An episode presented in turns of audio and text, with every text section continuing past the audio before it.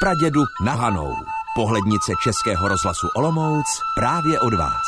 Sedm lánů, psáno dohromady, není, jak by se zdálo, pravopisnou chybou v češtinářském cvičení nepozorného žáka, ale skutečným oficiálním názvem Jesenické osady, která patří k obci Skorošice. Protinájí silnice vedoucí ze Žulové do Javorníka a dnes je tato osada jen se skupením několika domů po obou stranách zmíněné páteřní komunikace. Neoznačuje ji ani značka, začátek nebo konec vesnice. Kde se nacházíte, vám prozradí pouze tabulka na autobusové zastávce. Přesto je tato osada ležící podél Petrovického potoka poměrně stará. Byla totiž založena už roku 1565 rozdělením panského dvora. Tak to alespoň zmiňují historické publikace čistě zemědělský dvůr, měl celkovou rozlohu sedm lánů. A máme vysvětleno, proč se právě této osadě říkalo i německy Siebenhuben. Mimochodem lán německý Hube byl v dávných dobách uznávanou plošnou mírou. Ve 13. a 14. století se na Jesenicku používali lány dokonce dva. Velký, neboli franský lán, s rozlohou 24,19 hektarů a lán vlámský, neboli malý, který měl rozlohu 16,796 hektarů. Později se velký Velký lán říkalo takzvanému Sleskému lánu, který měl rozlohu cirka 27,5 hektaru. Sedm lánů tedy představovalo asi 193 hektarů půdy. Každý ze sedmi osadníků tak dostal jeden lán. Už od počátku byl v čele osady Šoltýs, který později dostal právo dědičného držení Richty. To platilo až do roku 1714, kdy ztratil právo na poddanými, které přešlo na Žulovský vrchnostenský úřad. Zajímavé je, že osada se za staletí nějak zásadně nerozrostla.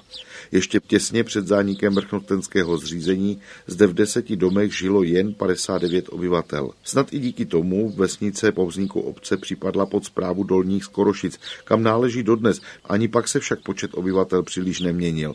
Nejvíce jich zde žilo ve 30. letech, 75 lidí ve 14 domech. V současnosti pro zajímavost se počet usedlíků pohybuje kolem 15. S výjimkou krásných barokních božích muk u silnice a dřevěného kříže v obci zde nejsou téměř žádné památky. Přesto však obec pod Lánským vrchem a Kaní horou stojí za návštěvu. Je totiž důkazem složitého osidlovacího systému Jesenicka v minulých staletích. Navíc z ubočí Kaní hory, kam sahají domy osady, je krásný výhled na Rychlebské hory. A také ten pasoucí se dobytek na okolních loukách působí velmi uklidňujícím dojmem. Osada je také pozoruhodná jednou prastarou legendou. Prý mezi Sedmilány a Vlčicemi řádíval v dávných dobách o čase adventním jakýsi noční lovec. Přízrak zde pořádal hony a vše kolem zalézalo do chalup a třáslo se pod peřinou. Jednou se u jedné selky na přástkách sešli sousedé a začalo se mluvit o lovci, ale nikomu se o něm moc povídat nechtělo. Až děvečce to pořád vrtalo v hlavě. A tak vyšla ven, odvázala psa a nařídila mu Cezare pomoct tomu ubohému chlapíkovi zhromáždit ulovenou zvěř. Za chvilku začal sedlákův pes hvít tak hlasitě, že se tomu všichni podivili. Otevřeli okno, aby psa uklidnili, ale v tu chvíli vlétl dovnitř velký kus masa. Neznámý prý volal, to je za tu pomoc. Polekaný hospodář chtěl maso vyhodit, ale všichni dohromady nebyli schopni zvednout to maso z podlahy. Podařilo se to až poté, co jim farář ze Skorošic poradil, že ho mají posypat petrželí, protože bylo známo, že zdejší duchové petržel nemají rádi. Tak se to skutečně podařilo a sedlák pak vstyčil vedle svého domu kříž a stanovil, že má být i dalšími vlastníky zachován. Možná je to ten, který uprostřed obce stále stojí. Pohlednici z kraje mezi Pradědem a Hanou, tentokrát ze Sedmilánu, vám po vlnách Českého rozhlasu Olomouc poslal Mirek Kobza.